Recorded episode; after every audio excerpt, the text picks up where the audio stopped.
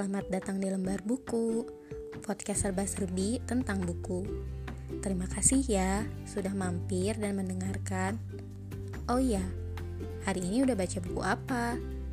Kalau belum mood, bolak-balik aja dulu. Siapa tahu seru. Saya Andin, dan selamat mendengarkan.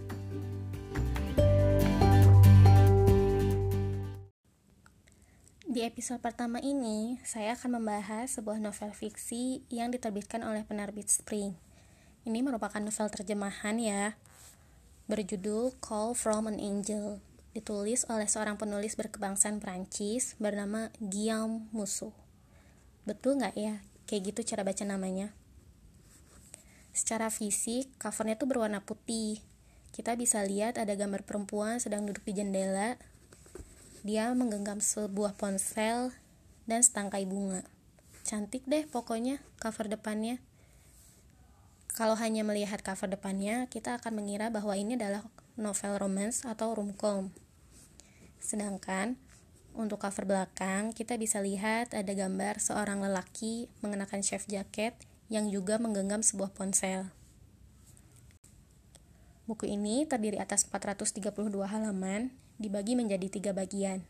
Bagian pertama dengan judul Kucing dan Tikus, bagian kedua dengan judul Kasus Alice Dixon, dan bagian ketiga dengan judul Untuk Satu Sama Lain.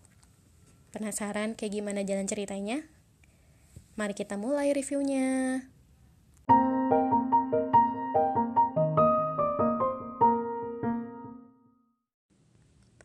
Novel ini ditulis dengan menggunakan sudut pandang orang pertama, di mana karakter utamanya adalah seorang perempuan bernama Madeline dan seorang lelaki bernama Jonathan.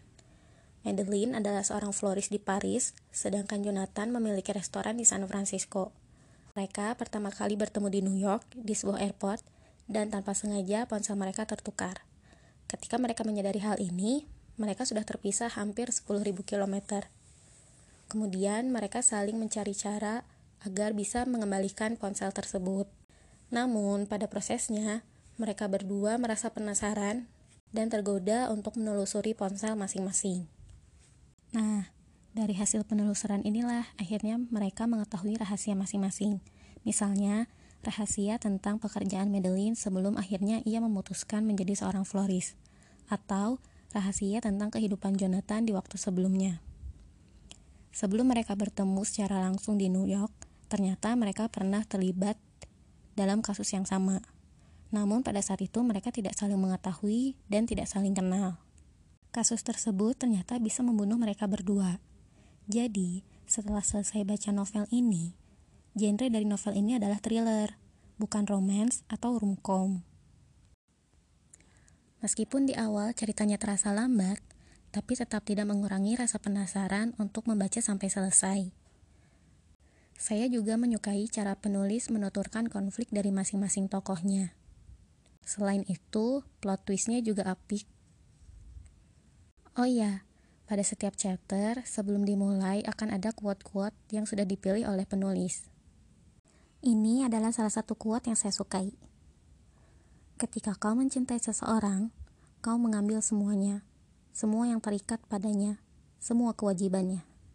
Kau mengambil kisahnya, masa lalunya, dan masa sekarang.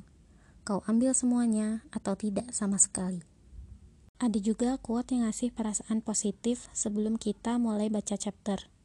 Ternyata, quote ini merupakan moto Provinsi Zeeland di Belanda, yang kalau dialih bahasakan ke Indonesia, bunyinya menjadi Aku berjuang dan aku bangkit. Di akhir buku, kita bisa mendapatkan penjelasan mengenai tempat dan orang-orang yang dipilih oleh penulis sebagai settingnya. Penulis juga menyertakan referensi quote-quote yang ia tampilkan pada awal chapter. Dan ternyata ide awal dari cerita di novel ini merupakan kejadian langsung dari penulis. Gak nyangka sih bisa kepikiran bikin cerita thriller. Mungkin kalau saya sih bakalan kepikiran buat bikin cerita romance Ya, meskipun di novel ini tetap ada romansnya, tapi porsinya dikit banget. Lebih banyak thrillernya. Secara keseluruhan, novel ini menarik banget untuk dibaca, terutama untuk teman-teman yang suka baca novel genre thriller. Sekian review kali ini. Sampai berjumpa di episode selanjutnya.